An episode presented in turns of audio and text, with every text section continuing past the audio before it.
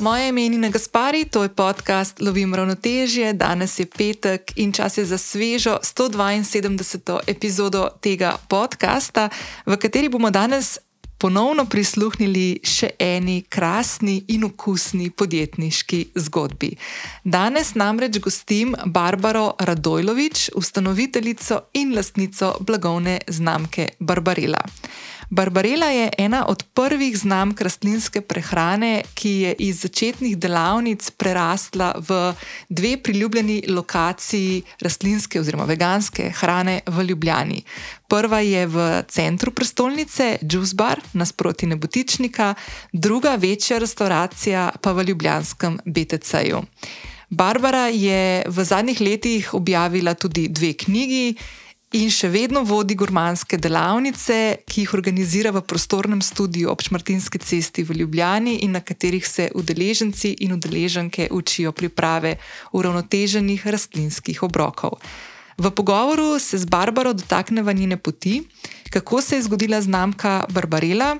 Uh, kako je to se zgodilo v času, ko pri nas še nismo imeli lokacij oziroma restauracij, ki bi bile izključno veganske oziroma bi ponujale izključno rastlinsko kuhinjo, kako je svoje osebno poslanstvo upletla v podjetniško pot, pa tudi o tem, kako se je v tujini učila pri znanih šefih za rastlinsko kuhinjo, pri Russell Jamesu v Angliji in Matthew Kennyju v ZDA, ki sta ji pomagala postaviti ključne in pomembne temelje za razumevanje zdrave in uravnotežene rastlinske prehrane, ki jih danes ponuja v obliki receptov, delavnic in seveda na dveh lokacijah v Ljubljani. Barbara vam bo v epizodi zaupala tudi svoje strahove, uspehe, neuspehe in kako upravlja z vlogami ki jih v življenju igra, to so vodja ekipe, podjetnica, ustanoviteljica podjetja in seveda ponovno tudi mama. V zapisu epizode lahko najdete tudi vse povezave, pri katerih lahko spremljate Barbarelo ter povezave do delavnic in njenih knjig. Če vam je podcast Lovim ravnotežje všeč in ga radi poslušate, potem vas vabim, da se na mobilni aplikaciji, pri kateri poslušate ta podcast, tudi prijavite. S tem meni, kot ustvarjalki podcasta, pomagate, da zanj slišijo tudi drugi da lahko na podcast povabim zanimive sogovornice in sogovornike, kot je današnja gostja, da bom skupaj z njimi lovila zanimive pogovore, ki jim boste lahko prisluhnili, in ne na zadnje, boste ob prijavi vedno v svojo aplikacijo dobili opozorilo oziroma notifikation, da je nova epizoda že na voljo in ne boste nobenega pogovora zamudili. Kot vedno se mi lahko tudi oglasite na zasebno sporočilo prek Instagrama, tam se vam bom najhitreje javila nazaj. Če pa boste šli na kakšen sprehod ali pa se boste vmes, ko vem, pospravljate stanovanje ali pa kuhate, ustavili in naredili print screen svojega ekrana, ko boste poslušali kakšno od epizod podcasta Lovim ravnoteže, pa vas vabim, da to tudi delite. Uh, zraven me ne pozabite označiti, da se vam bom lahko zahvalila nazaj, pa bom mogoče posnela še kakšen, kakšno glasovno sporočilo. Uh, zdaj pa je čas, da prisluhnemo pogovoru z Barbaro. Uživajte! Barbara, dobrodošla na podkastu Lovim ravnotežje. Pozdravljena, Nina. Hvala za povabilo. Z veseljem. Imela sem te na ušlisti kar nekaj časa. Uh, zato, ker si ena od, um, ena od ljudi, ki imam pogosto v mislih, ker se pogosto ustavim v mestu, v prostorih, ki si jih ti uh, odprla za nas, pa bo potem malo kasneje prišli do tega. Veš, kaj te bom najprej vprašala? Mi dve to snemava, malo preden bo šlo ven, na ene take zelo tečne, deževne dneve ki bi mogli biti zelo taki poletno topli, uh, pa so se spet malo obrnili, pa me zanima najprej, kako si. Pa moram ti reči, da zdaj v zadnjem obdobju sem kar zelo dober, imam veliko energije. Um, okay. En del pripisujem tudi svojemu življenjskemu stilu, ker se kar precej trudim uh, gibati se, dobro zdravo jesti oziroma živeti to, kar dejansko tudi uh, predstavljam ljudem. Tako da sem dober, hvala. Kako si pa ti? Jaz sem malo manj, mene pa malo ta pomladna utrujenost daje, pa malo grem nazaj iz neke bolniške daljše, pa ta vreme, ampak rečemo, da ne moreš na vreme vplivati, tako da lahko vplivaš na svoje reakcije. Tako da načeloma bi rekla, glede na to, kako je se začel let, ker ni bilo glih luštan, sem kar v redu. Drugače. Veš, kako pa jaz to uh, vreme jemljem in sicer tako, ker da imam priložnost, da se umirim, pa da Ja. ja. se mal uh, zazrem navznoter, pa da navz, navznoter, zaradi tega, ker je sonce tako vsi rinemo ven ja. in mora se nekaj. akcija Ja, ja, ja. dogajati.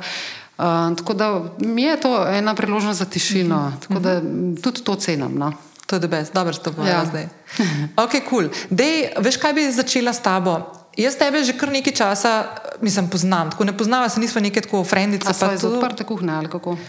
Ja, Ali po mojem, uh -huh. po mojem. Pa vedela sem za tvoje delavnice, čeprav nisem bila pri tebi na delavnici, ampak vedela sem. Uh -huh. uh, pa blizu mene, v bistvu si imela včasih prostor. Uh -huh. um, ampak mislim, da bolj pa iz odprte kuhne. pa Tako, ja, ja. Da mi mogoče, Barbara, tako, veš kaj, preden greva direktno, na, na, da, se dotakne tvoje podjetniške zgodbe, ki predstavlja zelo velik del tega, kar ti konec koncev tudi vsak dan počneš in uh -huh.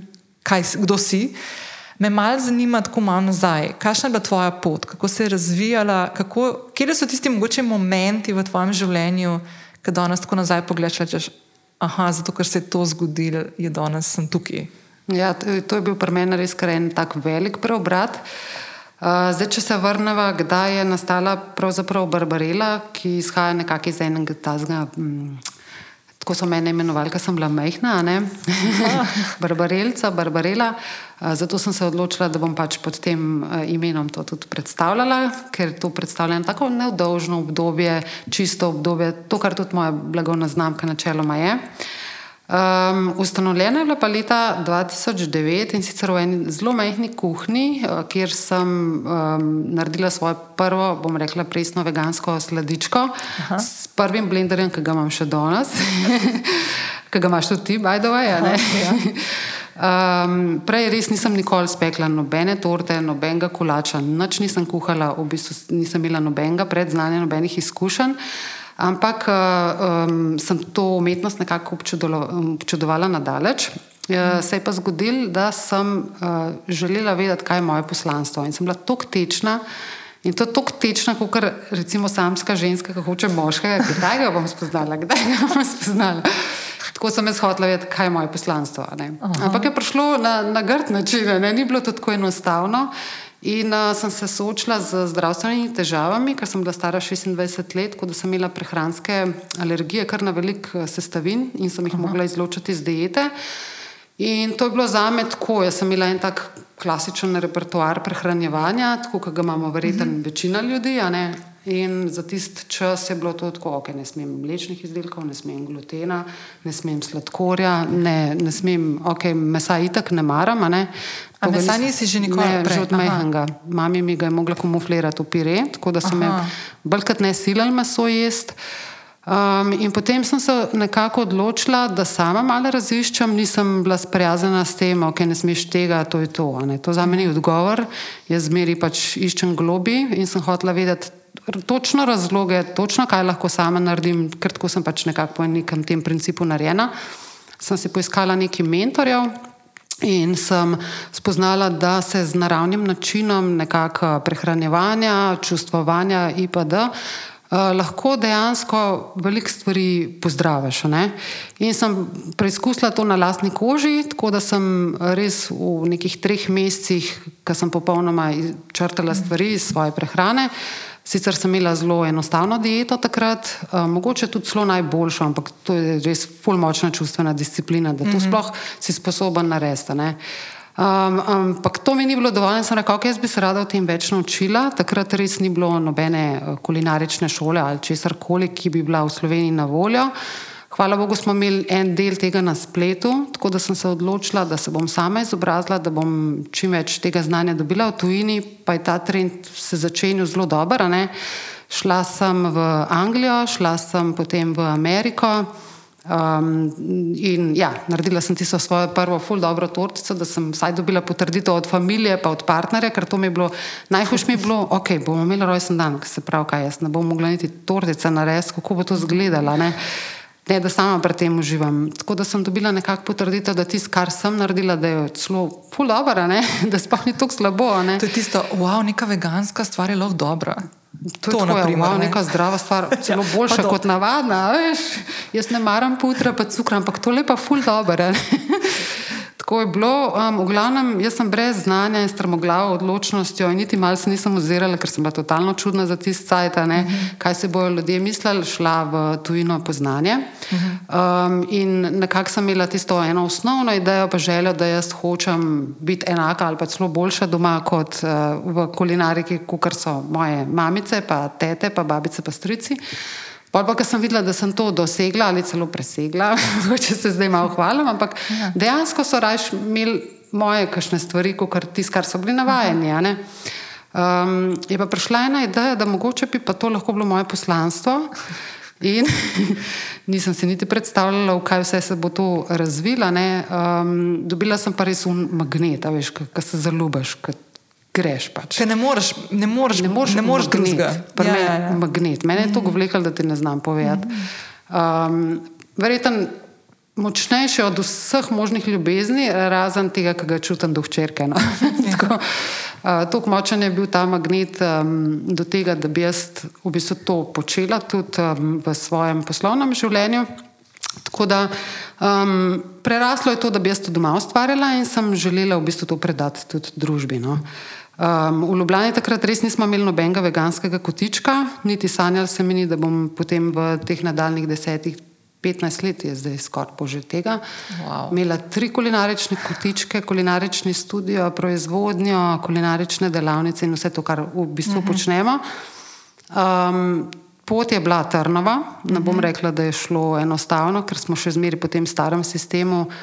Greš v šolo, plačaš ful velik denarja, ja. ful se učiš. Uh, Danes je to vse online, veš, ti masterklasi, ful hitro lahko priješ uh -huh. do mhm. tega znanja, ful hitro greš lahko na socialno mrežo, ful hitro dobiš ljudi. Uh mhm. -huh.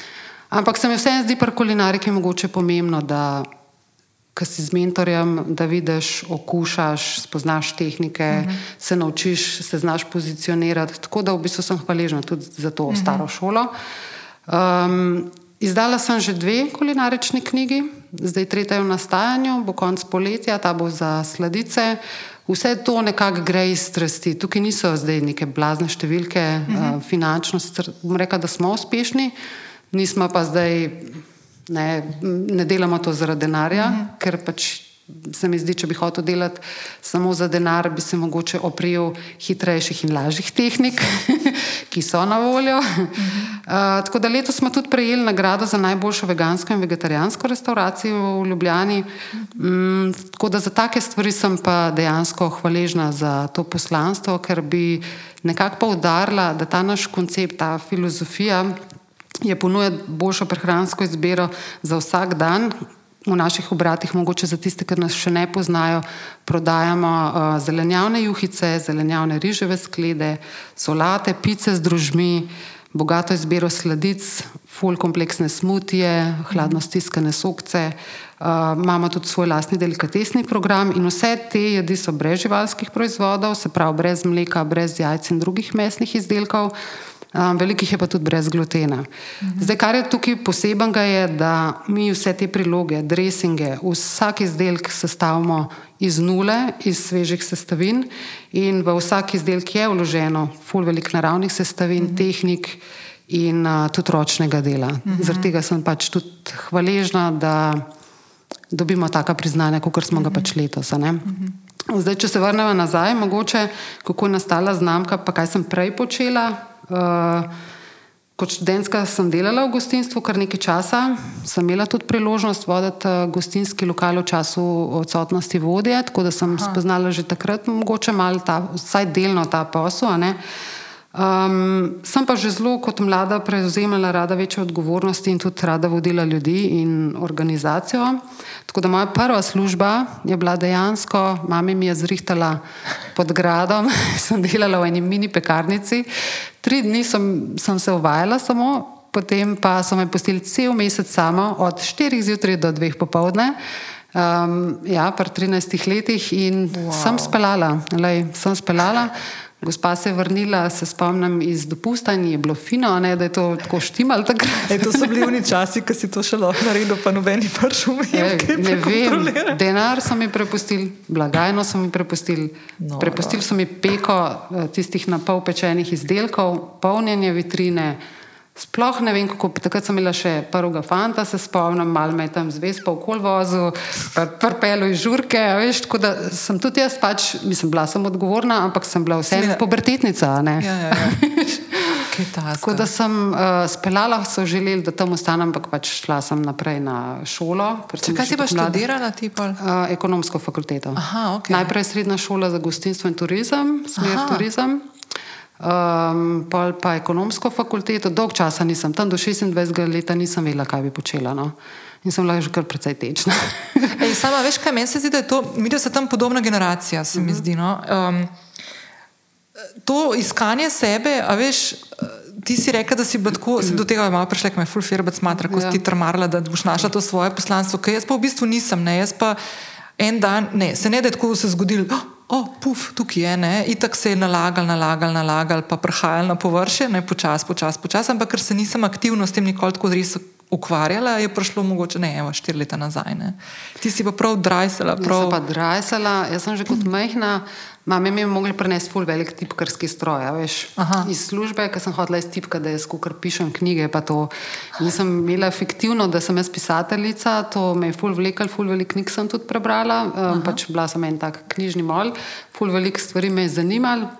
Um, ampak hkrati pa, če veš, v tistih knjigah, nekje od 18 let sem se začela mogoče tudi malo za osebnostno rastjo uh mhm. -huh. ukvarjati in mogoče sem tam dobila neko informacijo, da je treba vedeti, kaj je tvoje poslanstvo. In sem ratala res, res zoprna sama do sebe, ker nisem, a veš kaj, nisem se čutila da vem, kaj je moj talent. Ful, nujno sem hotela zvedeti, kaj je moj talent, v čem sem dobra, pa še kar mi je bilo zelo pomembno, je, da um, dajem dobro družbi. Se pravi, uh -huh. ne mhm. samo, da delam za sebe, sebično, egoistično, uh mhm. -huh. ampak da pač nekaj ta čas, ki ga bom porabila, teh um, 8-10 ur na dan, da uh, delam dobro družbi. To mi je bilo uh mhm. -huh. ful važno. Sam, uh -huh. kako to sestaviti, nisem vedela. Ne. In je mogel pač prijeti po eni drugi obliki, zato da sem skreirala tudi disciplino iz, um, od znotraj na vzven. Ker ja. mogoče pač pri teh površinskih stvarih, ki uh, jih lahko pač uspeš na hitro, mogoče sploh ne bi znala cent tega, mm -hmm. veš, ker je preveč na hitro dano. Jaz sem mogla pa od znotraj preko bolečine, preko discipline, preko odpovedovanja začutiti v bistvu eno to ful veliko ljubezen, um, ljubezen tudi do telesa, do tega, kako v bistvu delamo s svojim telesom, kako se negujemo. Uh, da sem v bistvu nekako spoznala potem mm -hmm. tudi, poslanstvo. Mm -hmm. Je pa tako, da danes ne um, prodajam tega tako na takšen način, ne, da hočem bolj ne biti inspiracija za druge ljudi, ker ne obsojam ljudi, ker se mi zdi, da vsak mora biti na neki določeni ravni zavesti, da se odloči tudi za bolj discipliniran način prehranjevanja, ker je to ful povezan s čustvi. Tle sta dve stvari, oziroma tri, tri, ja. tri stočnice. Ena stvar, ki se je omenila, ker se mi zdi, da imamo tako skupno. Uh -huh. Sploh ženske. No. Bova, bova, bova se fokusirala na nas, ženske, ki imamo občutek, da moramo se podučiti o vseh stvarih na tem planetu, zato da bomo lahko sama sebe dale, naprimer, reči, rekle, ok, to pa jaz zdaj vem, tle me pa lahko reče, da sem strokovnjakinja. Se mi zdi, jaz vem pri sebi to konstantno se poigravam in, in, in okrog tega vrtim. Ne. Druga stvar, ki si jo že na začetku povedala, pa me fulž zanima malo več o tem. Omenila si, da si pri 26 letih imela to izkušnjo z alergijami. Uh mhm. -huh. Mislim, jaz, jaz nimam take izkušnje, pa sem vedno imela občutek, da se to že zgodi v otroštvu. Ali je bila kakšna taka stvar, uh -huh. ki se je mhm. tako zgodila, da je to spodbudila, ker to odkrivanje, pa razkrivanje, zakaj se ti nekaj dogaja. Imam občutek, da smo to vsaj enkrat v življenju prišli do tega, da ugotoviš, da odgovor na vprašanje, zakaj se ti neka stvar dogaja, ne dobiš po nekih teh klasičnih metodah. Greš zdravniku in zdravnik ti da odgovor, in potem je v redu. Ne? Da greš v neko to samo opazovanje, samo raziskovanje in iskanje nekih teh stvari. A je kakšna taka stvar tam se zgodila, da se je tebi to izbruhnilo, uh -huh. lih pri 26, ali kaj je bilo to? Ja, v bistvu že kot majhna sem bila precej uh, uh, nagnjena k alergijam in to je. Um, prišlo tudi do take faze, da sem imela pokrito celo telo v rdečici in mogli, so me mogli povijati v ovoje in po letu v bistvu sploh nisem smela na sonce. Tako da v bistvu ti izbruhi so bliže, kot sem bila majhna, tudi mam je k temu zelo nagnjena. Uh -huh. Ampak pri meni je pač to še toliko bolj eskaliralo, uh -huh. ker pač če imaš ti slabe gene, tudi naprej predaš slabe gene. Uh -huh. um, ampak se mi zdi, da z nekim kvalitetnim načinom prehranjevanja lahko to tudi zreguliraš ne, in aktiviraš boljše procese v telesu. Tako da definitivno se je to nakazovalo, uh, ta laktozna intoleranca je bila, po mojem, mm. najbolj prisotna, že ko sem bila um, otroka. Sam moji starši tega niti niso imeli znanja, niti niso imeli možnosti se izobraziti, ker mami doskrat reče meni. Če bi recimo imeli to znanje, bi ti to ukinili, ja. ne pa bi bilo lažje. Sam takrat tega niti niso gledali, se tudi zdravnik ni posumil na te stvari. Ja, jaz sem hodila na teste, ampak so zelo slabi testi, res. -hmm. Uh, imamo danes recimo različne tehnike, ker jaz nisem samo s hrano dosegla neko um, v bistvu optimalno uh, zdravstveno sliko, ampak na več načinov. Uh, en del je v bistvu uh, neka pozitivna miselnost, pa neko čustvovanje, ki ga pač moraš mhm. predelovati in predeluješ celo življenje. Ne? Tukaj je en, en vrsta discipline. Eno je tudi fizično čiščenje vseh enih patogenih eh, stvari, ki se nalagajo v nas, tako kot se nalaga vem, prah na klavirju, uh -huh. ki čistimo stanovanje in tako. To ti lahko pač določeni strokovnjaki pomagajo. Um, eno je pa pač hrana, s katero pač vsak dan vplivamo na um, boljše procese v organizmu ne, in za optimalno mentalno stanje, in eno je gibanje. Tako da mhm. to je cel spektr zdravja, ki se mi zdi, da se mora prepletati, zato da se mi v bistvu dolgoročno dobro počutimo. Mhm. To je, se sliši zelo kompleksno, zahtevno, ampak mene to zanima in se s tem ukvarjam in bi to želela mogoče v prihodnosti tudi tako celostno ponuditi tistim, ki bi jih to zanimalo. Ne bi pa nikoli obsojala ali pa ljudi v to silila, ker se mi zdi, da, da je vsak na neki svoji stopni razumevanja tega. In kako pristopa k temu? Se to je ful pomembno, zato se mi zdi, da zdaj, prav v tem času spet sem, v našem okolju se ful ene debate suče na čist neprave načine, ko v bistvu mečajo, tako, predvsem iz, nekega, iz neke pozicije nerazumevanja, oziroma bom rekel tako, to zdaj jaz rekla, kako jaz opazujem. Iz pozicije moči nekdo drugega prepričuje, kaj bi bilo dobro za nekoga drugega. Ne? Ja. To nikoli ni dobro. Ne, se strinjam. Ja. Jaz mislim, da je pač je treba posameznika res večplastno ja. vzimeti, ker njega oblikuje um, življenje na večjih plastih, uh mhm. -huh. od otroštva dalje. Uh. -huh. Um, in v bistvu ni nujno, da samo ena stvar, da mu škoda. Meni, doskrat, recimo, kakšna prijateljica reče, Um, mislim, kakšno, s kakšno prijateljico, ki se pogovarjam, pa vidim njen problem, ampak ne bom to direktno zabrisala v obraz, ampak bom najdla neke subtilne načine, da ji bom počasi odpirala to razumevanje. In Ljudje rabijo več časa, mm -hmm. ne, mhm. ne moreš imeti tudi eno rešitev za vse. Mm -hmm. ja. Tako smo tudi narejeni. Pač. Vsako, čas, mm -hmm. vsako stvar moš predelati, vsak problem moš ozavestiti najprej. Že da ga ozavestiš, si ful veliko naredil, mm -hmm. pa, pa traja čas, v bistvu, da se ti usede, da ti to predelaš. Vsaka, vsaka stvar traja. Pač, pa take stvari je dobro tako malo testirati. Jaz se spomnim, ker sem tako kot ti, ki si prej omenila, da do 26 let, dokler nisi šla tako. Zdaj moram jaz to zvedeti, vse me. Jutar, zakaj še ni? ja, pa da nisi, da, da nisi nič. No. Jaz, nisem, naprimer, jaz sem se po mojem tam pri 26 prvič preselila v svoj, mislim, v najemniško stran, da sem sama živela. Jaz nisem znala kuhati. Mislim, znala. Jaz tudi ne. No, mislim, jaz sem vse, kar sem delala, kot me, to moja mama, če to zdaj posluša, zdaj sem pomagal že v dveh epizodah o tem govorila. Ja. Da vedno, tako, ko sem prišel v kuhinjo, ni naprej pomagati, bo tako uper solato, pa ljub krompir. Ne. To je bilo to, ne, ker je bilo najmanj dela pol s tem in z mano, ko sem tam kakšno stvar zafrkala, to nisem mogla zafrkati. In pa, ko sem šla na svoje, dejansko sem bila opremljena sam s tem. Ja.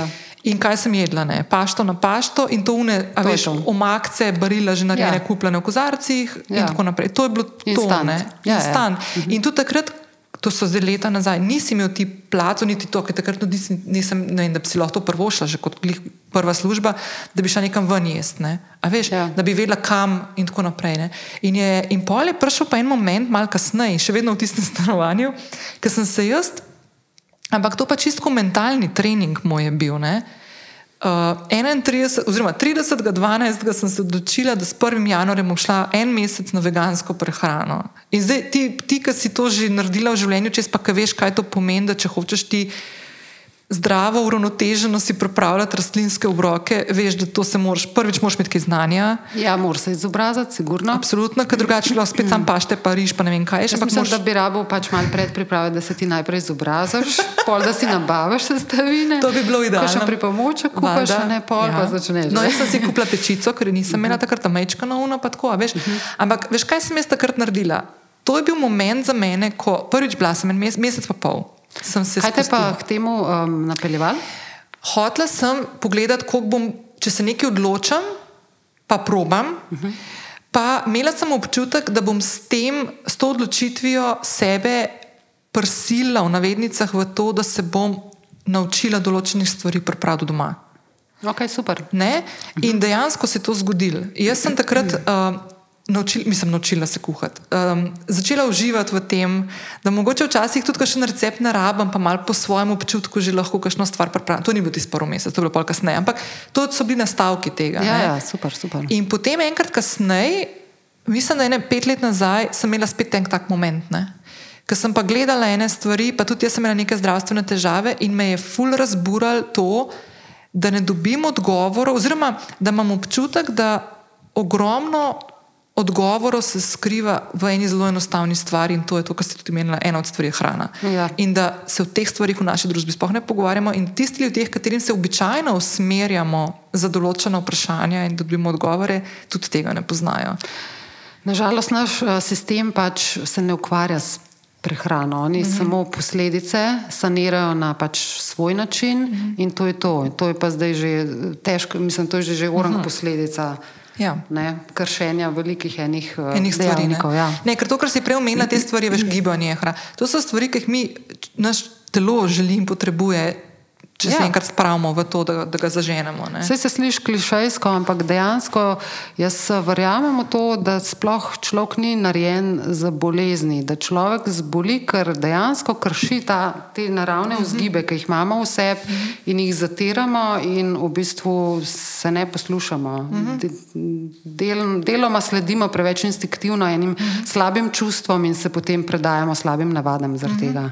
Ker v bistvu sploh ne delamo zavestno, ampak delamo delamo čist po vzgibu. Uh -huh, uh -huh. Slabo se počutim, pa bom pojedel tam, ne vem, en junk food zaradi tega. Uh -huh. In to, se, to so cikli pol ustaljeni. In to so tudi potem neke povezave med miselnimi vzorci in našimi navadami. In to je to popolnoma nezavestno uh mhm. -huh. poteka. Ne? Uh mhm. -huh. Mi se malo že lahko tudi opazujemo, že v času otroštva, kako se to pri nas v nekem primarnem okolju dogaja ja. in to gre pa naprej. Ne? To gre pa i tak naprej. Ja. Ja, ja. Ampak ena stvar, ki se meni zgodila s temi dvemi skoki v to neko. Pol je bilo to drugo obdobje, malo daljše, pol leta sem bila na, na rastlinski prehrani. Kaj sem jaz takrat v bistvu ugotovila, da je svet v svetu odprl na novo. Uh mhm. -huh. Um, prva stvar, bom zelo brutalno iskrena. Ko se lotiš take stvari in take spremembe, dejansko so tvoji dnevi se res vrtijo okrog tega, da res moraš načrtovati. Na začetku ja. ja, na začetku, ja. absolutno, se pa se navadaš. Pa tako, in se res ful ukvarjaš s tem, kako si boš naredil, ko se še zgodi, kam grem, kje bom lahko nekaj pojedla, Vem, ali bom nesla sabo. Ja. No? Ampak ena druga stvar, ki je pa ful, ful dobra, je, da se mi zdi, da ljudje imamo občutek, da ko gremo v neko spremembo, naprimer iz neke prehrane, kjer lahko ti kao, zdaj po domač, kao vse lahko jem, ker vse jem, zdaj grem pa na neki, kjer pa ful ne bom smela, neki, ali pa nočem več tega jesti. Jaz sem dojela to neko domejito, ampak meni se cel. Socialna, uh, verjetno tudi malo tako socialno se odmaknjena od, od ostalih ljudi. Mal se, mal se, ampak meni se je odprl full end. Jaz sem en kup ja. enih stvari začela jesti, ki jih prej nikoli nisem, ker jih nisem niti vedela, kako jih uporabiti, zakaj bi bile dobre. In danes, naprimer, ko grem v to, da sem neka ta fleksitarijanka, kako uh -huh. koli, da v bistvu ful več stvari sestavim, sploh zelenjave, sadje malo manj, ampak sploh zelenjave, ful več uporabljam v svojim, kar si pripravljam stvari, ki sem jih kadarkoli prej. Ritualu, kar, je, kar je ful dobra naložba in se boš tudi zmeri vračala bolj k temu, ker v bistvu uh -huh. boš v podzavest si dejala, da se dobro počutiš ja. potem, veš. Ja. Um, jaz tudi v bistvu na začetku, ko sem se začela prehranjevati, sicer še ni bilo, danes imamo veliko ponudbe, danes uh -huh. je to mhm. ful lažje za nekoga, ki se odloča. V bistvu pa tudi to, ki je v trendu ta hrana, da je že malo tako modern. Uh -huh. uh, da ješ tam ne vem, nek čija puding. Pa, Pa kelčips. Pa kelčips, pa lečen čips mogoče. Tako da v bistvu danes ni več to tako čuden. Takrat sem se pes mogoče malo socialno počutila odtojeno, ker um, dejansko, tako kot si rekla, nisem imela, uh, niti tam nisem mogla na zabavi nač jesti, oziroma sem mogla prenesti sabo, kar je bilo tudi malo čuden, ampak pol sem se zmeri znajdla, pa zmeri jih je zanimal, pa tako nisem se preveč ozirala. Uh, zmeri sem poslušala tudi kakšne te učitke, ponavadi, uh, kje pa dobiš proteine, kaj boš pa zdaj, zdaj boš pa tako. Um, doma še, so me še deset let potem, a ne, ne bi mal meska, ne, res ne bi meska. Tako da vse so skozi v bistvu ena taka mm, bockanja, ampak pač uh, ti veš, v čem ostajaš zvest in, uh -huh. in uh, na koncu te ljudje pustijo primer, zdaj se mi dogaja pa kontra, v bistvu blagor se tebi, ki ti lahko, um, koliko je fajn, v bistvu, ki lahko vzdržuješ težo.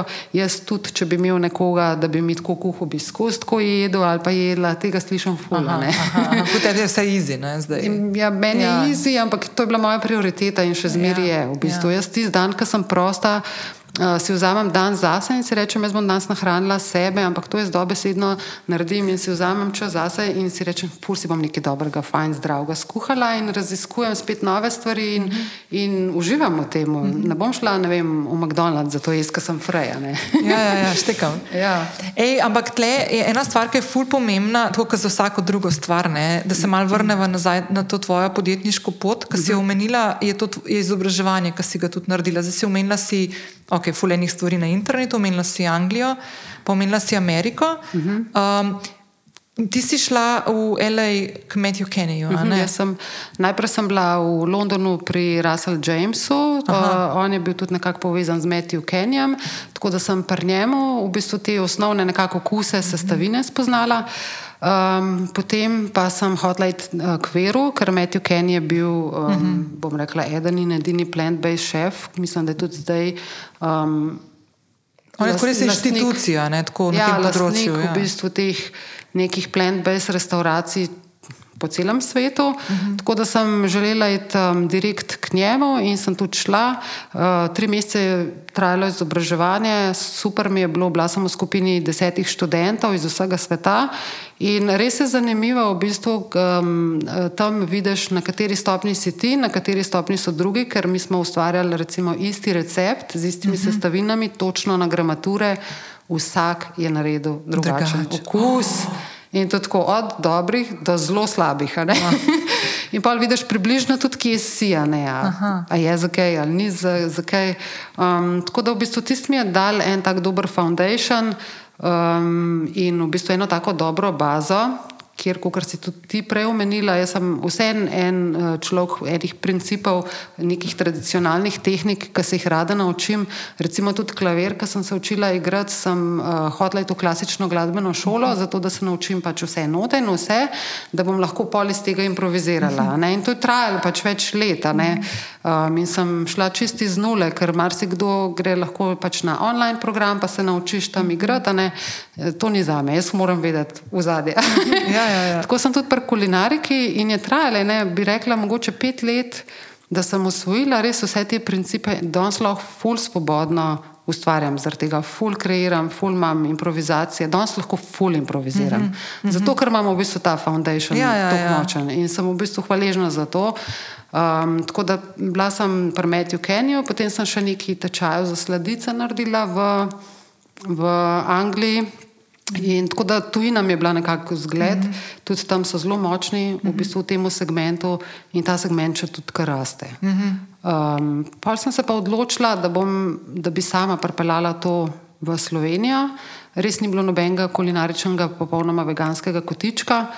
Tako da so se začele potem nizati priložnosti po odprti kuhinji. Najprej je uh -huh. bila na podarkadami prva ta uh -huh. enota 2016, potem je bilo 2017 Barbarella Juice Bar, ta uh -huh. je tukaj nasprotno. To je tukaj za vogalom, odle, kjer zdaj sediva. Ja, ja.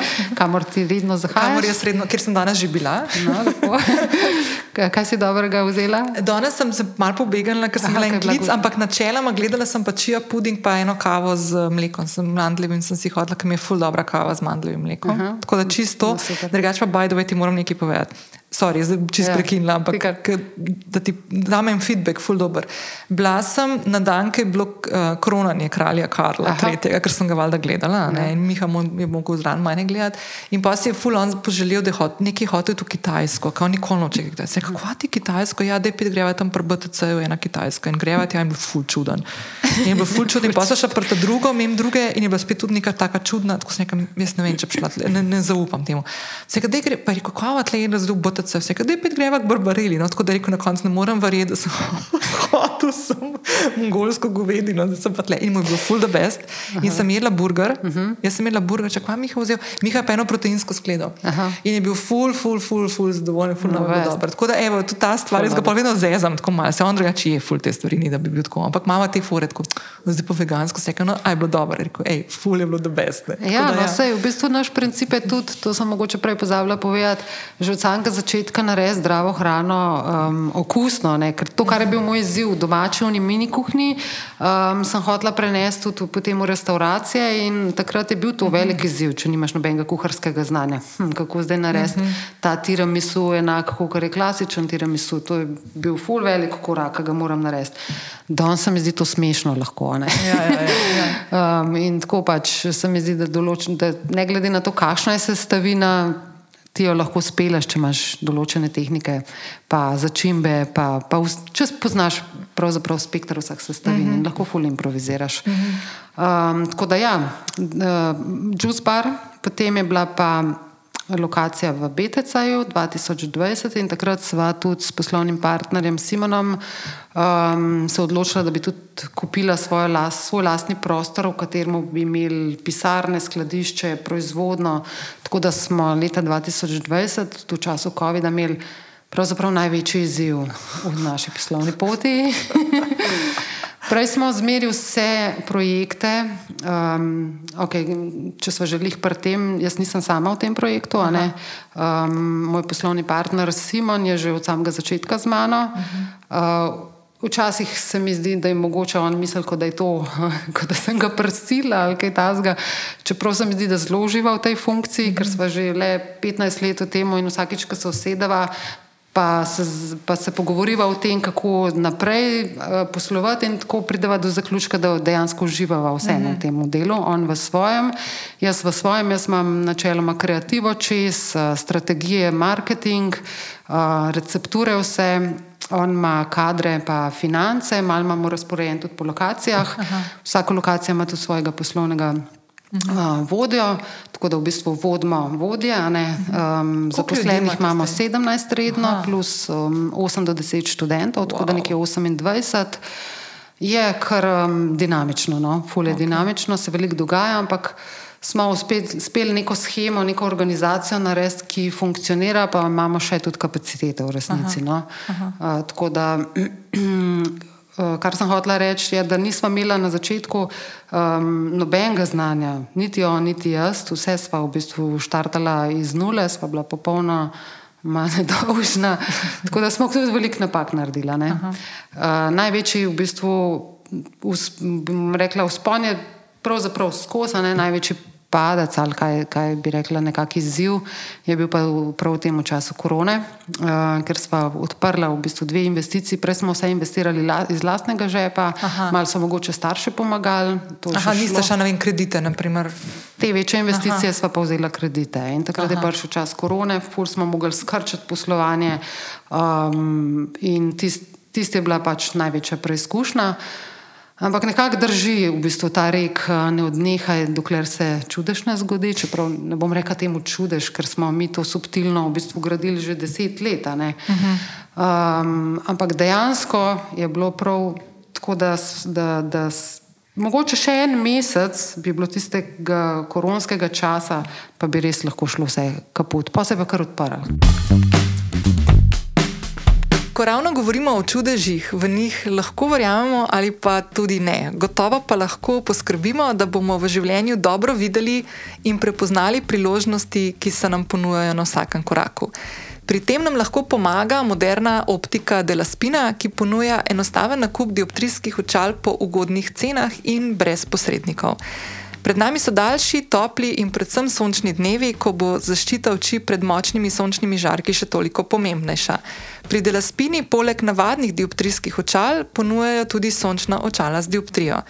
V njihovi optiki v centru Ljubljane, kmalo pa tudi v novi poslovalnici v Mariboru, so na voljo številni moderni okviri, med katerimi lahko izbirate svoj novi par, ki vas bo spremljal v letošnje poletje. Sončna očala za niže dioptrije, torej do plus ali minus 4,5, stanejo 129 evrov, polarizirana z dioptrijo do plus ali minus 4,5 pa 149 evrov. Če je vaša dioptrija višja, pa so navadna sončna očala z dioptrijo le 179 evrov oziroma 199 evrov, če so tudi polarizirana. Ob nakupu enih navadnih prozornih očal in para sončnih očal pa vam bo Dela Spina dodala še 20 evrov popusta na drugi par. V Delaspini lahko uredite tudi menjavo leč na obstoječih sončnih očalih, od katerih se ne želite ločiti. Če imate navadna ali pa sončna očala z dioptrijo, jih enostavno prinesite v optiko Delaspina na Kersnikovi ulici v Ljubljani, kjer boste uredili postopek menjave leč. Optika Delaspina v juniju odpira novo poslovalnico v Mariboru, kjer bo na voljo njihova celovita ponudba navadnih in sončnih dioptrijskih očal. Še to, Zgodbo in filozofijo optike Dela Spina lahko spoznate tudi v 126. epizodi tega podcasta, v kateri sem gostila njihovega lastnika Marina Medaka. Dela Spino lahko spremljate na delaspina.si, dva loja, delaspina.si in prek Instagrama, kjer boste obveščeni tudi o vseh novostih in odprtju nove poslovalnice v Mariboru. Dela Spina, prijazna optika z dioptrijskimi očali brez posrednikov. Vrnimo se k pogovoru z Barbaro, ki vam bo zaupala, kako so se v času pandemije reorganizirali in vam v nadaljevanju zaupala še nekaj finih idej za uravnotežene rastlinske obroke, ki jih lahko enostavno pripravimo doma in bodo izredno barviti, da jih bomo tudi z veseljem pogledali ker po nevihti, ki se odpre oblak in od takrat naprej nekako uspešno gradimo zgodbo, uspešno poslujemo. Um, So seveda vedno stvari za izboljšati, ne? ampak uh, tiste je bilo najhujše, ker sta bile dve ogromne investicije podprte s krediti od bank, prej pa se je imala kredite. Ja, pa, pa, pa, pa mimo grede. Ti moš pa rešiti dobavitelje, ja, ki jih imaš, pa arhitekte, pa material, pa, pa zaposlene. Pa, pa zaposlene pa. Tako da takrat smo skrčili v bistvu poslovanje na eno enoto, še ta je pretežno z Voltom delovala, hvala Bogu, vsaj za Volt. Ja. Uh, jaz sem vsem hvaležna, kako koli v bistvu precej drago poslovanje, ampak je tudi zelo dober marketing uh -huh. v zadju. Um, Misliš, predvsej drago, zato ker oni vzamejo tudi svoje provizijo? Oni imajo svojo provizijo, ampak ja, je vnoter ja. uračunan zelo dober marketing, strategije, v bistvu uh mhm. -huh. povišanje prodaje. Da se ti res na koncu splača. Ja, ja. ja, se splača. No. Mislim, ker vi ste tako. Sej, jaz verjamem, da se vsi še spomnimo teh časov, če bili na reči. Ja, meni se zdi, da v drugem življenju. ne, da, ne. Pa še takrat sem bila noseča, pa otroka, veš, no. sploh nisem imela časa, da se s tem ukvarjam. Vse je res za enkrat. Ne, ja. ampak ne, veš kaj, tako se mi zdi, da, da gostinski ta del segment, ne, oziroma ta storitveni hospitality biznis, ne, Vi tudi, če bi hotel, mi nismo smeli do vas priti. Ja, se vem, to je čisto mejen. Jaz ne vem, kako sem takrat sploh imela kakšno vizijo. Meni se zdi, da sem živela, ok, danes to, Kaj bo jutri? Jutri se bom spomnila na nov dan. Jaz sem po principu sem tako, da zelo rada iščem rešitve. Mogoče je to en, ena lasnost vodnarja, da to z, z, z, vsak problem izstavžem od vidikov, tako je najdete neke rešitve, zmeri izboljšati rešitve.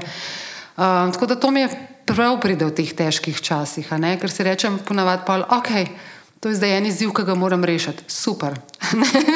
Ne jemljem to kot pišu, kaj še en problem. Se jemljem ne, nekje, ampak se rečemo, ok, v redu, tega še nisem rešila, bom rešila zdaj. Mhm. Tako da takrat sem iskala te mini rešitve, kako bi mi v bistvu spodbujali, da bi s karticami plačevali ljudje vnaprej, obroke pri nas, pa um, mogoče zakupovali neke večje vrednosti. Čeprav pojma nisem imela, bomo sploh lahko kdaj še odprli ali ne. Ampak ja. delaš iz danes na jutr in tako smo delali iz danes na jutr, dokler se stvar počasni nekako zaključila, hvala Bogu, in mi smo splavali na površini. E, ampak to, kar si rekla, da si delala te karte, da, lahko, da smo lahko mi vnaprej zakupili neko izkušnjo, ja, storitev ali pa neko. Ne? Um, Kako, to nam še zdaj dobro funkcionira. Ej, ampak takrat se meni zdi res, da se je to bil meni najlepši del tega COVID-19. Ja, da si portaš pač ja, neke biznise. Ker si hotel ja, to narediti. Ti ja. si hotel podpreti, ker si vedel, da smo vsi v šitu. Ja. In da, mislim, jaz se spomnim, da je to bilo ta. Ja, bom tukaj nekaj naročila, zato ker to je plc, ki hočem, da preživi, ker jaz hočem tja še iti. Ja, ja se mi zdi dobra. Ja. dobra. Delna rešitev se to ni mogel rešiti, velika ne. ne. Ja. Ampak vseeno, eno enoto smo imeli odprto in sem rekla, okay, če ne drugega bomo preko te enote povrnili v bistvu mhm. ljudem ta sredstva. Uh mhm. -huh. Ker najhujš bi bilo, da bi mogli popolnoma zapreti, zaključiti, pa bi ostali dolžni ljudem. To mi ni. Ja, ja, ja, Jaz sem pač zmeri equal. Tako da, um, ja, hvala Bogu, so te časi minili.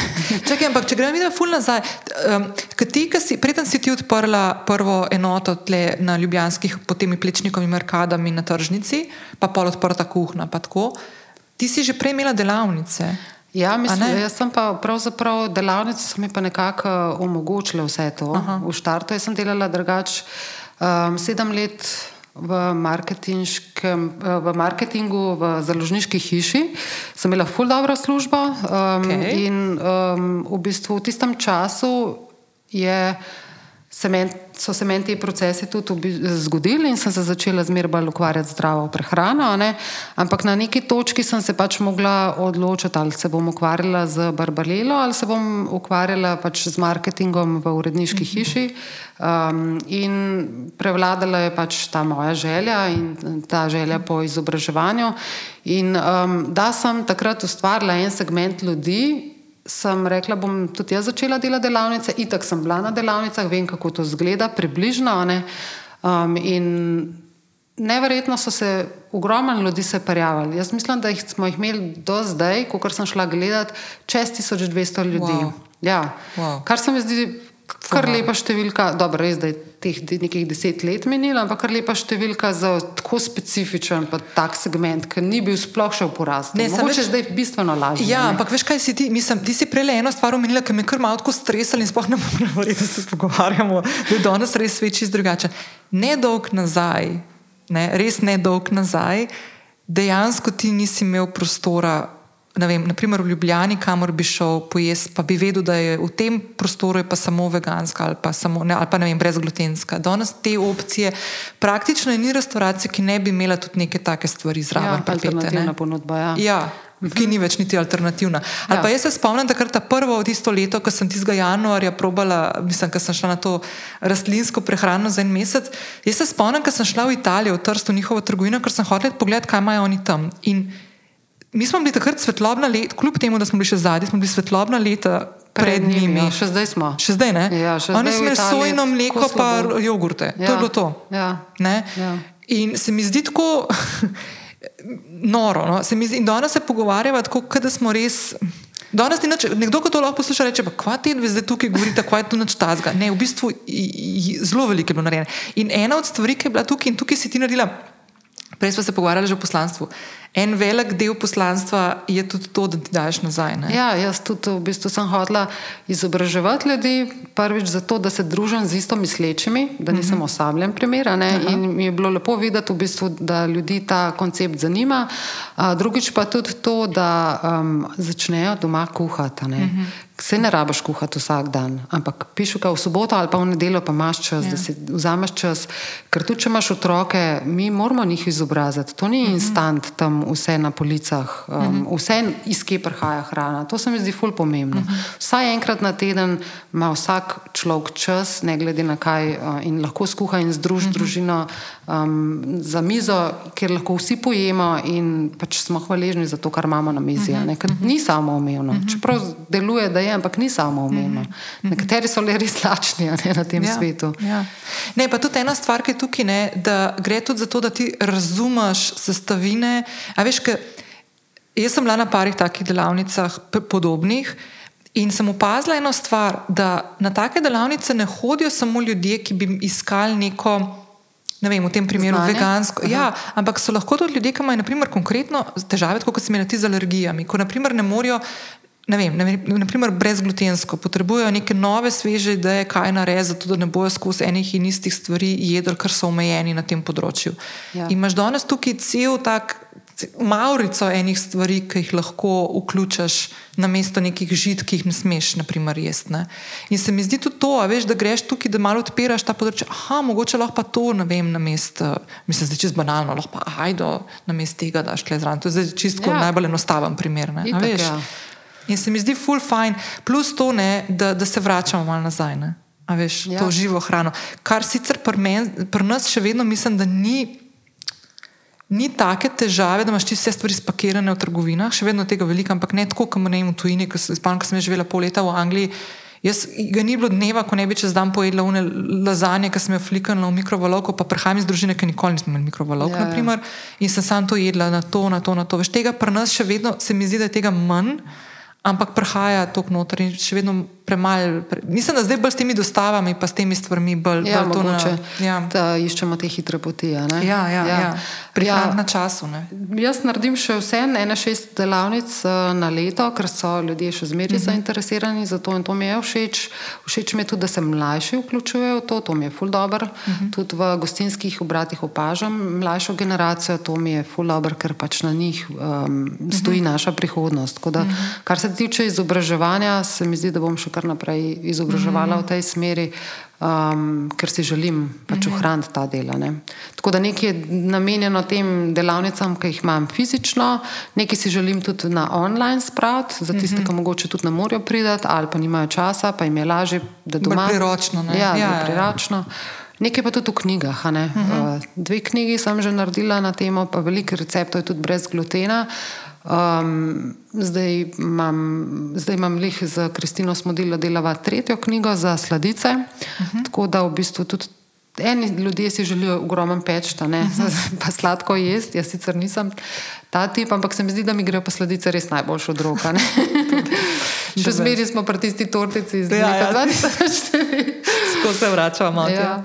Ej, ena stvar, ki si omenil te mlade, kako imaš ti med svojo to ekipo zaposlenih? Imaš tudi veliko teh mlajših, so, a so že ti tudi uh, generacije za prehajajo noter te? Ja, nekih je, mogoče v Juice Baru imamo uh, najmlajšo uh mhm. -huh. ekipo, um, BTC ima mogoče nekje eno mešanico, v proizvodnji ima pa malo starejše. In kako pa upravljaš, ker to so čist drugi tipi ljudi? Um, ja, Nekih imamo že stalnih, rednih, mislim, že, že, časa, že dolg ja. časa, že mogoče 8 let, tako da uh, smo že navajeni en na drugega, vemo, kako v bistvu delujemo. Uh, te, ki so pa novi, so pa vode zaposlene oziroma Aha. zadolžene za to, da njih mhm. izobražujejo. Mi smo tudi naredili en um, tak zelo zajeten priročnik, v bistvu, tako da vsaka mhm. pride k nam v Barbarelo delati, spozna od A do Ž, pravzaprav mhm. vse, to je na 35 straneh vse, tako da se temeljito prebere. Pa gre pa čez cel proces v bistvu dela, ali je to mhm. proizvodno delo, ali je delo v strežbi, ali je delo v slaščicah, ki to imamo vse ločen. Um, pa je pa načeloma rutina, ne? Mhm. nekaj časa traja, potem je pa delo dosta rutinirano. Mhm. Tako smo nekako zasnovali ta, ta posel. Ja.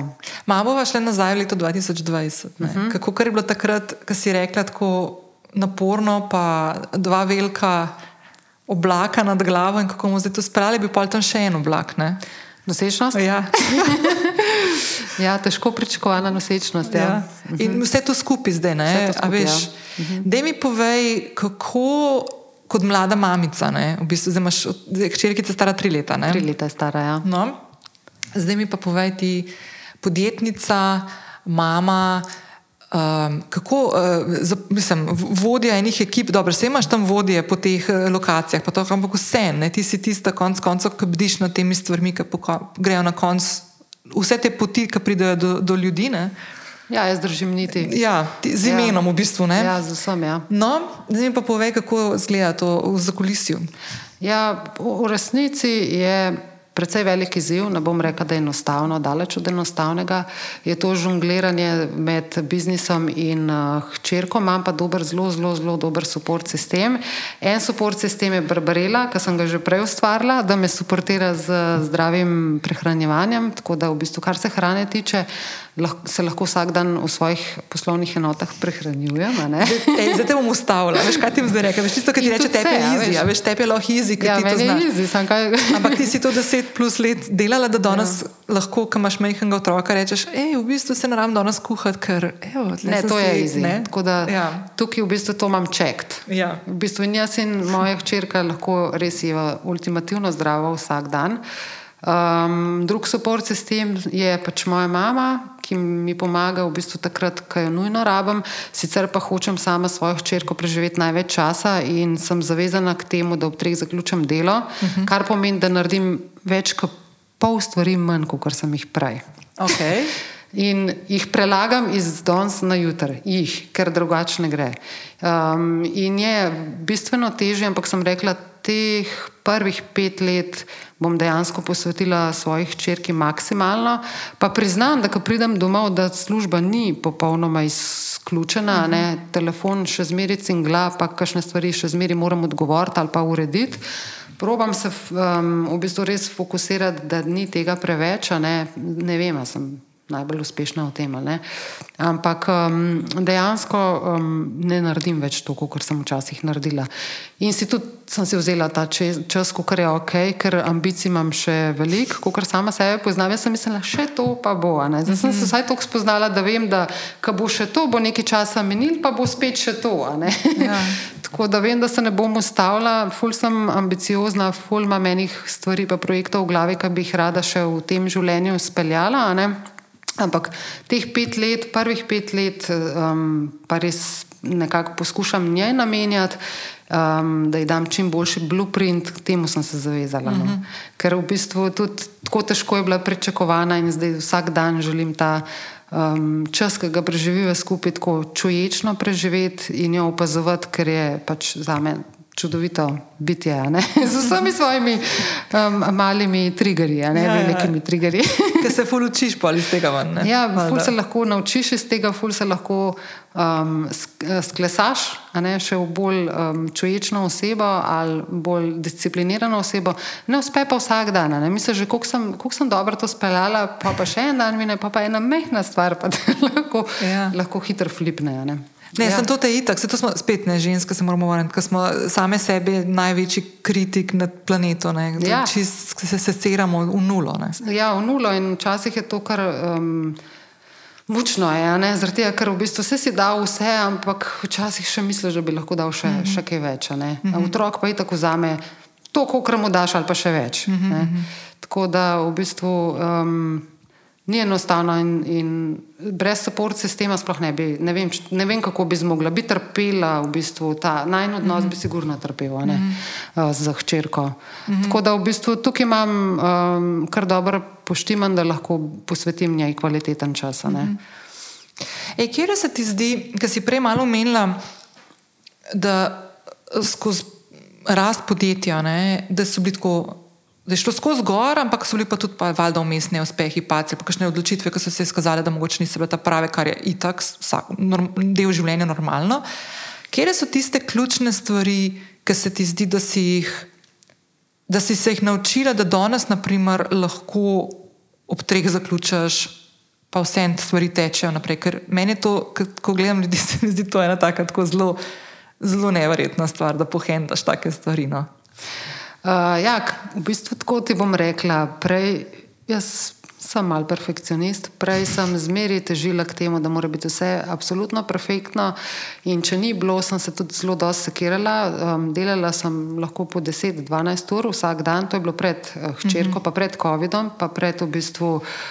težko preizkušnjo, ki je bila v mojem življenju. Um, Ko pa enkrat daš teže stvari v življenju čez, pa vidiš, kaj so prioritete. Uh -huh. In definitivno ne bom riskirala svojega čustvenega, mentalnega zdravja uh, za neko um, zdravo počutje. Uh -huh. In takrat v bistvu se odločiš in se tudi ne sekiraš več in rečeš, let it go, uh -huh. vse, del bo zmeri, zmeri bo del. Razen, če res ni full nujno, ne gori voda, razumeš? Ne bo jutri rešujemo življenje. Bomo 20 ljudi odpustili. Če pa bi se to dogajalo, bi pa verjetno več časa temu mm -hmm. posvetila. Tako da si naredim tiste prioritete, ki so um, za narest, tiste absolutno zmeri mm -hmm. narejene, ne čakajo zaradi tega plače ali pa mm -hmm. ljudje, ne, da imajo neodgovorene maile. Tako, ne. Ampak so kakšne stvari, ki bi jih jaz kreativno rada dosegla, recimo kakšne nove recepture, ki pa čakajo malo, mm -hmm. pa mhm. čakajo. ali pa kakšni novi projekti, ki sem si jih zastavila, pa sem si dala deadline, recimo kar za to knjigo, ki je delala s Kristino Novo, bi mogla biti že verjetno lansko leto, um, ampak ni, ker ni pač toliko prioritetna, čeprav je velika želja, ampak so druge stvari. Ja, in zato se pač mogoče te projekti, ki so zadnji v vrsti, malo podaljšujejo. A knjigo v samo založbi daješ, fanti? V samo založbi. Ja, ne, tudi ja. prvi dve, ne? Prvi dve tudi, ja. Ja, ja, ja. Uh -huh. Ok, no se to še ena, še, en projekt, še ena lokacija. še ena lokacija, ja. ja, ja. Ampak se je tako izkazalo, kot za najuspešnejše, zaradi tega, ker v bistvu imamo tudi poslovne enote, preko katerih uh -huh. tržimo, tam se tudi največ proda, preko spleta. Uh, sodelujem tudi z založbami, tako da v bistvu vse pokrijemo, cel segment, distribucija. Cool. Ja, da, ja, da pride do ljudi. Ne? Tako, tako.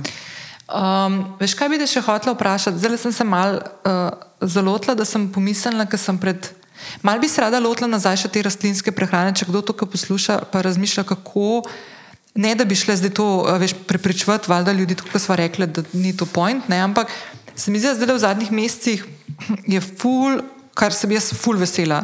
Fulst uh, naporov in komunikacije je usmerjene v to, da se spodbuja ljudi, da uživajo več raznolike prehrane, več zelenjave, sadja, manj mesa, predvsem. Uh -huh. Tle so, tukaj ne bo, to je čisto statistika, lahko grem še pogled, pa dam link. No, ja, ampak vem, to je res. Mislim, da imamo mi tako nadpoprečno veliko slovenci in slovenke pojemo mesa. Ne, na, ja, sloven, res, ja. slovenskega, ja. mislim, da smo tako daleč, če ne enkrat več. Ne, mislim, kot je poprečno. Ja. Ja, ja, med prvimi smo. Ne. Dejansko ga res pre, pojemo preveč. Ne. In um, kako bi, naprimer, če se nekdo odloči, pa reče, ok, ajde, se glih vsak dan, pa res ne rabim tega jesti, ne? plus mm -hmm. konc konca ne drugega, že drugo rad ali to ne. Kako, kako lahko z nekimi takimi manjšimi tviki upeljem v svoj vsak dan, naprimer, neke rastlinske jedi ali pa, ali pa obrok, ne vem, smuti, whatever. Mm -hmm. Kje je tista stvar, ki se tebi zdi, da bi bila mogoče tako najbolj enostavna za vključiti? Je tako najbolj enostavno, se mi zdi, tako kot si sama rekla, um, da pripraviš si različne vrste smutijev.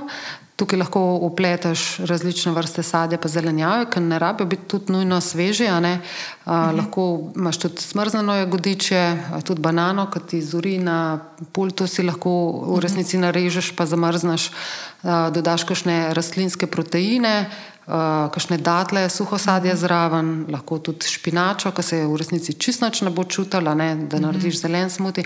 Na ta način, da si zmiksaš uh, smutije, pa jih upelješ v dnevno dieto, lahko ogromen sadja uneseš. Mhm. Pa na drugi strani so zelenjave, recimo z juhicami, pa z mineštrami.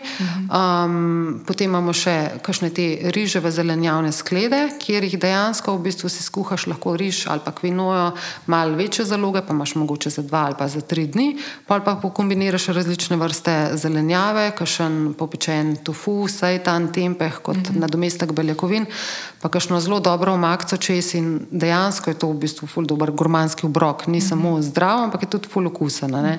uh, različne vrste solat, ker zdaj prihaja poletna sezona, katerim lahko dodajamo tudi um, stročnice, čičeriko, lečo potem različno vrsto zelenjavo. Spet, važno je, da dobimo kakšne dobre dresinge, ne tudi pri nas v Barbareli se da v tej delikatesi, oziroma se bo dal po ta novem kupiti tudi različne vrste dresingov. Oh, tako da v no, bistvu si lahko okay. samo sestaviš sestavine in se Top. preliješ čez in imaš vrhunski obrok. Tako da to so te naj, najbolj enostavne stvari, mm -hmm. ki se mi zdi, da se v bistvu ful velik da. Kje je tvoja najljubša stvar v Barbareli? Jaz imam zelo rada juhe, pa zdaj ponovim režote. Zdaj, mislim, da so režote, te, ki jih mi delamo, novi trend od bowl, ker jih Aha, lahko delamo v bistvu z različnimi vrsti žita, ne? lahko Aha. je ali riž, ali kvinoja, ali proso, ali ajda. Pol naredimo eno tako ful, bogato osnovo iz recimo brokoli, grah, rdeča pesek, ki je tako malo bolj na gusto. Dodamo pač hranila, vezivo plus baro pol pa damo gor različne topinge. Sam stop, barvo pomeni, da damo od zelenjave. Ja, ja, ja, okay, da zelenka sta zgleda. Ja, primer, tako, da, ja, ja. da je tako bright ja. green. Uh, tako se mi zdijo, ful, zdaj sem uh -huh. čisto navdušena. Um, pol dodamo kakšno pečeno zelenjavo zgor, um, uh, različne, recimo gobe, granatno jabolko, feta sir, parmezan. Ej, to je tako dobro. To je tako kot nek porič, ampak slan porič. Mm.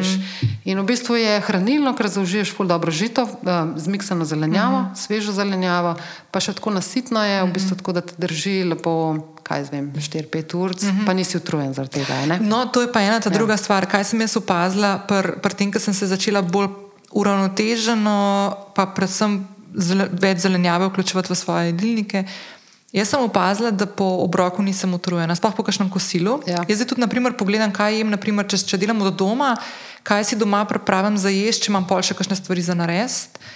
Um, Jaz prihajam iz družine, kjer je bilo nekaj čist normalnega, da sta dedek ali pa oče, ki sta pojedla, da se še malo oddremati na kavču. Ja, ja, vem, vem. Ampak hrana dejansko te more dvigati, ne dol potisniti. Ja. Ja. Tako da to je že ena taka prva stvar, ki lahko sam pri sebi opazuješ, ko poješ, kako se počutiš. Kako se počutiš ja. Ja. In v bistvu pri rastlinski hrani je to dobesedno. Mislim, sej, tukaj bi lahko ful debatirali, ampak jaz sem res pripričana, da je zelo pomembna hrana za. Eh, zdravja, ne, ker prvič je osnovno gorivo um, in to, kar, kaj vnašamo vsak dan, se nam na dolgi rok v bistvu mm -hmm. ful pozna. Če smo mi podedovali slabe gene od naših starcev, uh, starcev ja, ja, ne, se v redu, staršev. Um, mi lahko z epigenetiko ful vplivamo in aktiviramo v bistvu mm -hmm. boljše procese v našem organizmu in lahko mm -hmm. dejansko vplivamo na boljše gene v prihodnosti. Mm -hmm. Tako da konstantno, dnevno zdravo prehranjevanje z rastlinsko prehrano, predvsem z rastlinsko prehrano. Um, bo vplivalo na boljšo prihodnost. Mm -hmm. In tudi eh, dokazano zdrav, različne vrste bolezni, plus uh, upočasnjuje procese staranja. Mm -hmm. Tega je na to, na, na to temo zdaj že ogromno dokazano. Ej, poslušala sem pred uh, nedolg, mislim, zdaj po mojem, kakšne dve leti, na času COVID-a, po mojem, je bil uh, en intervju, zdaj ga bi mogli najti, da ne bom tle, ampak mogoče, mislim, aj bil. Pogovarjali so se o.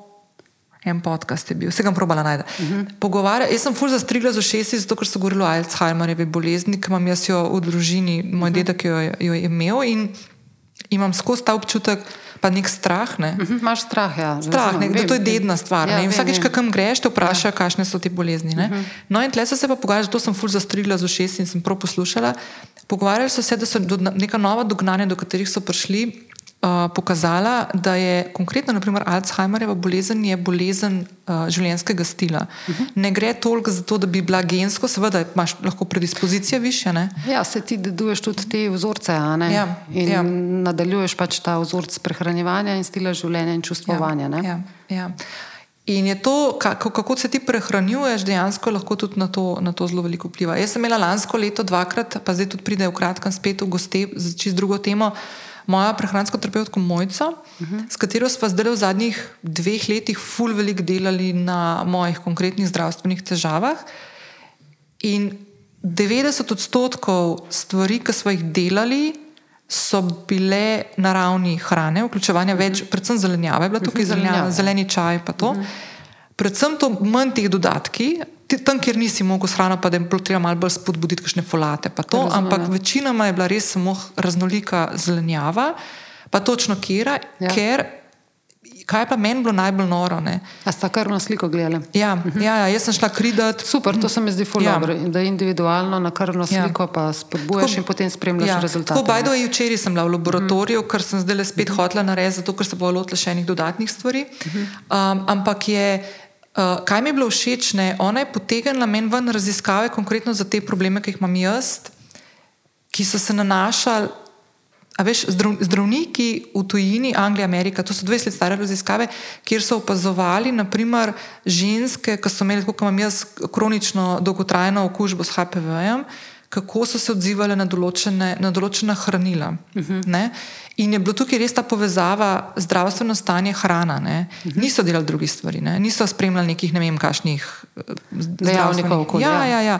In je bilo to nekaj fully, in to je nekaj tazga. Veš, to, to je, jaz tako zelo veliko sem že povedal, sem bila zadnjič sem se pogovarjala na to temo vključevanja rastlinske prehrane tudi v šole in to z enim pediatrom, ja. ki ga ful spoštujem. Sem imela zelo razgreto 45-minutno debato po telefonu okrog tega.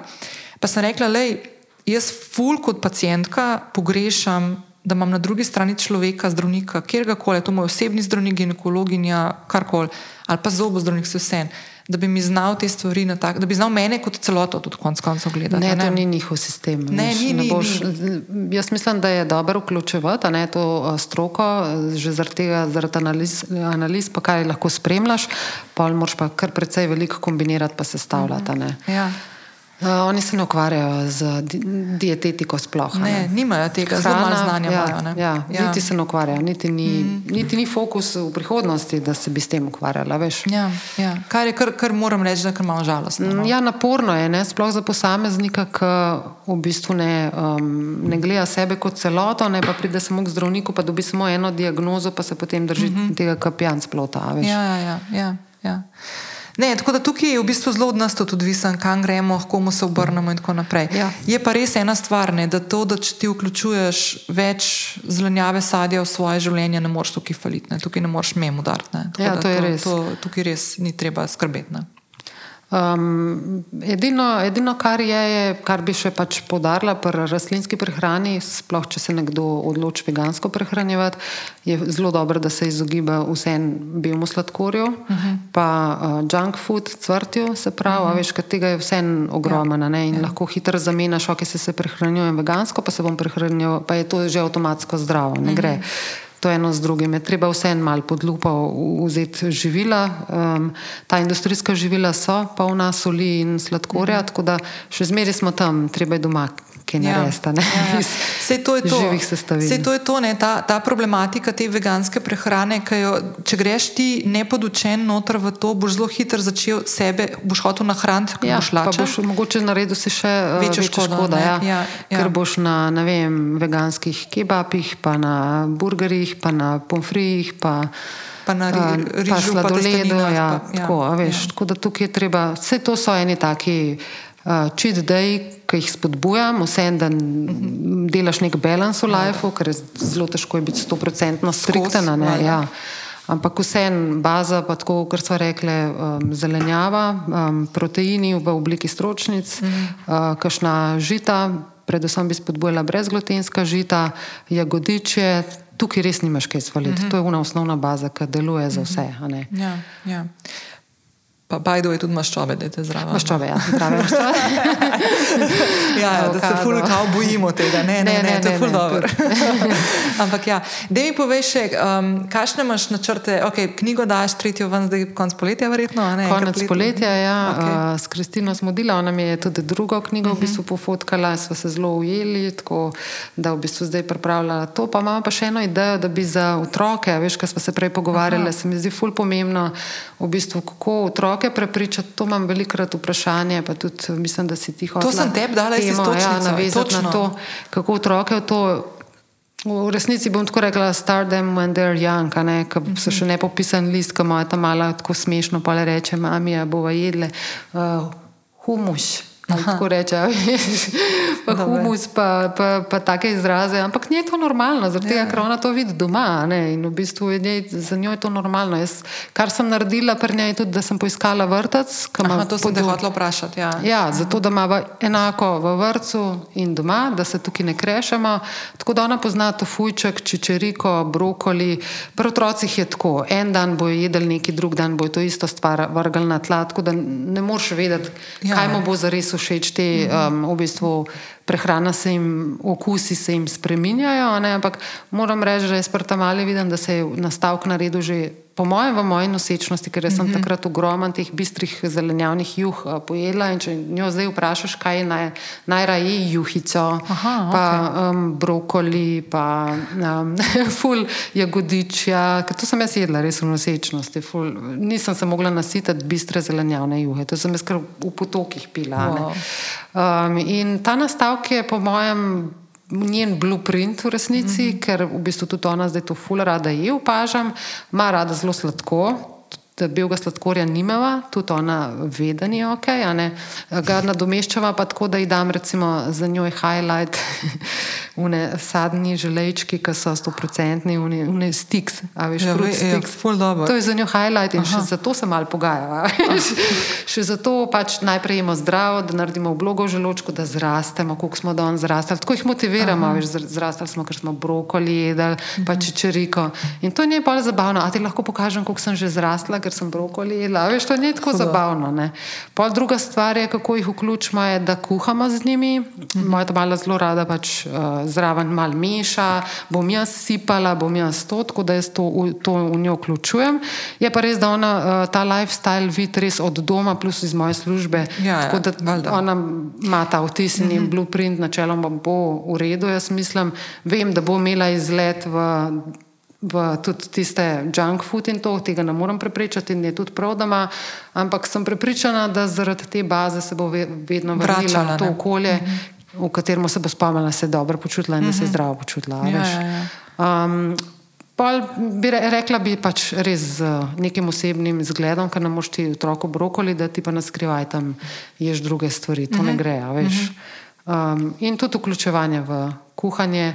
Plus, moja mama ima vrt, tako da je Majlina ima svoj paradižniček, Aha. pa svojo sladko za zalivati in greva rade na vrt. A veš, lih tok, da se to ni traja, pa urca vse skupaj, lih tok, da malo zaliva, pa da ima malo stika v bistvu, odkje to vse prihaja. Ja, ja. Je pa ta neka tudi odgovornost, da tam ja. boš zalila, pa boš pa tukaj videla, kako raste. To ona ful rada zaliva dobro. in tako rožice ful rada zaliva. Tako je lušna, no? res je lušna. Uh, zdaj za prihodnost pa ja, najprej kratkoročno je knjiga, mogoče bolj dolgoročno je pa tako, kot sem prej razlagala, neka celostna zgodba, uh, ki bi jo rada povezala kot nek mentor, ne vem še, kako bom uh mhm. -huh. to speljala, nimam še nekega okvirnega načrta, ampak kot neko mentorstvo za celostni lifestyle, kjer pač vključuje prehrana, um, miselnost, gibanje. Uh mhm. -huh. Prej si začela, na, na, na začetku najnega pogovora, si zelo hitro uh, omenila, da si okrog svojega poslanstva zgradila v bistvu podjetje. Ker še takrat nisi niti vedela, da bo to se tako ja. potem uh, zmanifestiralo. Veš, kaj me zanima? A imaš občutek, da se je tvoje poslanstvo skozi ta leta, da je ostalo nespremenjeno, oziroma koliko si v tem času, koliko si, si imela občutek, da moraš biti, da bom tako vprašala, lej, da kompliciram. kompliciram. Jaz sem zdaj le v zadnjem letu opazila, Vem, hočeš reči pomisleke v zvezi s tem. Je, niti, niti ne veš kaj. Jaz sem tako ful vesela, ko sem štiri leta nazaj to neko eureko doživela in o, zdaj pa vem, kaj hočem, zdaj vem, kaj želim delati, ker to je pa tisto, kar nekako zaobjema vse te stvari, ki so meni pomembne. Kaj želim sporočati, komu želim pomagati, koga nagovarjam, na kakšen način, s kakšnimi stvarmi. In je bilo do best. Pa se je zgodil COVID in mi je to ful pomagalo, to spoznanje, ker sem zaradi tega ful mirnejša. Zadnje leto pa opažam, ne da se mi je spremenilo poslanstvo, še vedno je v osnovi enako, ampak so se začele tako mečkan na robovih stvari spremenjati. Veš, mogoče drugačne stvari dajem v spredje, kot sem jih prej, ali pa se neka priložnost pokaže, pa jo zajamem. Temu se reče rast. No, To sem te hotela vprašati, ker jaz sem lahko zaščitniška do tega, da ne, sem to zdaj odkrila. Ne. Na začetku sem imela malo težavo s tem. Ne. A veš, vsaka, jaz pa tako jemljem kot en življenjski cikl, vsaka stvar ima življenjski cikl, uh -huh. vse mine enkrat. Tudi jaz sem se sprašvala, ali je to še moje poslanstvo ali ne. Sem prišla v obdobje, uh -huh. ampak Vsakič me napelje nazaj, da je moje poslanstvo. Naučila sem se zelo poslušati svojo intuicijo, um, kar dobro sem jo izostrila in zmeri, ko hočem mogoče kaj izven tega poslanstva, vidim, da me intuicija še zmeri pripelje na svoje poslanstvo in nekako čutim znotraj vseb, da to je še zmeri moje poslanstvo. So bila obdobja, ko so bila zelo težka, ko sem rekla, da je vse skupaj bom zabrisala, prodala, ne vem, karkoli že ne morem več. Ampak ta obdobja so res minila spremenila, zdaj že dolgo časa se niso pojavljala. Um, verjamem pa v ta nek življenjski cikl, o katerem ti govoriš, in verjamem tudi v nianse, tako da ja. tudi se lahko spremeni ta nek kor, ki si ga imela. Še zmeraj pa želim um, oh, ostati zvesta sebi in temu, ja. čemu je namenjena ta filozofija. Ker če bom enkrat to spremenila, pa se je življenjski cikl Barbarele spremenil. Um, je pa to nadgrajevanje, širjenje, spreminjanje, mislim, mm. to se dogaja, se to čist normalno. Či, ne, ne? Jaz sem jih to hodila te vprašati, zato ker se mi zdi, da je to neka taka čist normalna stvar, do katere v bistvu spet včasih malo gledamo tako črno, saj jasno, črno-belo črno na stvari, ja. veš, in, pol, in pa te vrže tisto, ampak dejansko v centru je še vedno isto. Ne? Ja, to, dokler je v centru isto, potem je to še zmeri to isto poslanstvo. Ko pa mm. enkrat ta kor načneš Pa se moraš pa vprašati. Pa se moraš pa vprašati, kaj pa ja. zdaj. Ja, ja, ja, ja. Ja. Ker, mogoče, ker ne resoniraš več s tem, uh -huh. ker si mogoče celo prerasla to. Uh -huh. veš, uh -huh. Pol je pač življenjski cikl zaključen, tako kot pri vsaki stvari. Ja. Kaj si želiš? Kaj si želim? Meni se zdi, težko ti rečem, a veš, a, kaj bi bil vrhunec ali ne vem, whatever. Um, tako bi rekla, da v bistvu. Vsi izzivi, ki so me pripeljali, so me pripeljali do sem in nekoč sem si točno tega, kar zdaj imam, tudi ful želela. Uh -huh. Tako da probam biti v bistvu prisotna v tem trenutku zdaj, pa uživati v tem, kar imam zdaj. Tisto, kar je na nepopis, kar je še na listu, a ne bom pa uživala takrat. Tako da zdaj sem, se, zdaj sem prišla do te točke, da probujem um, biti fokusirana na tukaj zdaj. Mogoče me je to tudi Maja Lina uh, uh -huh. po, mhm. po svoje v bistvu prasila, ker to je jama brez dna drugače. Ko bom imel to, bom to. Ja. Ne. Ja. Zdaj imaš to, kar si takrat želel, tako da se treba ustaviti. Imam pa še kar nekaj spiska, ja. tam nekje uh, počasi klukam, ampak najbolj sem hvaležna za zdravje, ki ga imam, pa za poslanstvo, ki ga lahko upravljam, pa za to, da sem mami. V bistvu. Tako da nekako provam v tem uživati. Ja. ful, hvala za tvoj čas, pa za ful lep pogovor. Hvala za lep pogovor tudi s tabo in za zelo zanimive vprašanja. Uspešno. Enako. Hvala vsem, ki ste ostali z mano in Barbaro do konca. Jaz upam, da ste uživali v tem pogovoru. Vmes, um, ko smo se pogovarjali, oziroma ko smo posneli, sem se jaz potem spomnila še eno stvar, uh, ki sem jo pozabila omeniti. In sicer, če boste kdaj se nahajali v Ljubljani v petek uh, je ena ful dobra uh, postaja, da jo naredite v Barbareli, če boste v centru, v Juice Baru, tam nasproti Nebotičnik ali pa v BTC-ju. O petkih ima namreč uh, Barbarela meni najljubšo jed in to je kari. Uh, ki je ravno prav pekoč, uh, da ga lahko vsak poje, in ima res tak poln okus, uh, ful se dobro naješ. Mislim, Jaz tudi fura, da kari doma naredim, ampak mi nikoli ne rade tako dobro ga narediti, kot ga naredi Barbarela. Pa moram reči, da karijo sem že veliko pojedla, pa tudi zelo veliko slabih sem že probala. Tako da ta kari je običajno en razlog, zakaj se jaz ob petkih pojavim tam okrog uh, Barbarele, tudi če naprimer nisem imela namena hoditi v mesto. Um, drugače pa. Meni je blazno uh, prijetno klepetati z ljudmi, ki uh, ki so tako kot je naprimer Barbara, pa tudi prejšnji teden Darja, ki so neko svojo, neko svojo osebno strast, svoje neko poslanstvo uspešno prepletli v podjetniško pot. Um, ful se čuti in vidi razliko, ko ljudje delajo iz neke svoje osebne strasti. Uh, ne rata vedno, ampak ko pa to opaziš v okolju, v katerem se gibaš, je pa to tako res navdihujoče. In jaz sem ful vesela, da je pri nas kar nekaj takih zgodb, ki se nahajajo okrog nas. Uh, in uh, če imaš zdaj očala, dobra, zdaj ob tri oči rabiš, ali pa ne, je fulpo, ki jih prepoznaš, pa vidiš, ker se mi zdi, da tako lepšajo prostor, v katerem živimo in nam dajo neko, neko pogled v to, da se tudi pri nas, ki smo doskrat malo kritični, dajo narediti take uspešne podjetniške zgodbe. Uh, jaz sem zelo vesela, da zdaj v zadnjih uh, dneh oziroma tednih uh, zelo veliko govorim s podjetniki in podjetnicami.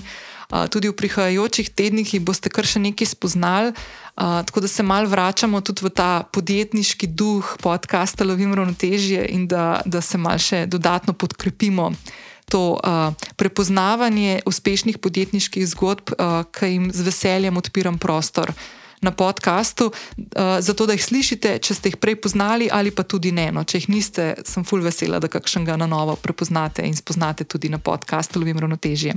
Jaz vam želim en krasen petek, če to poslušate na dan, ko izide ta epizoda, oziroma katerikoli drugi dan je danes, ko to poslušate. Lepo se majte, uživajte in se slišimo k malu.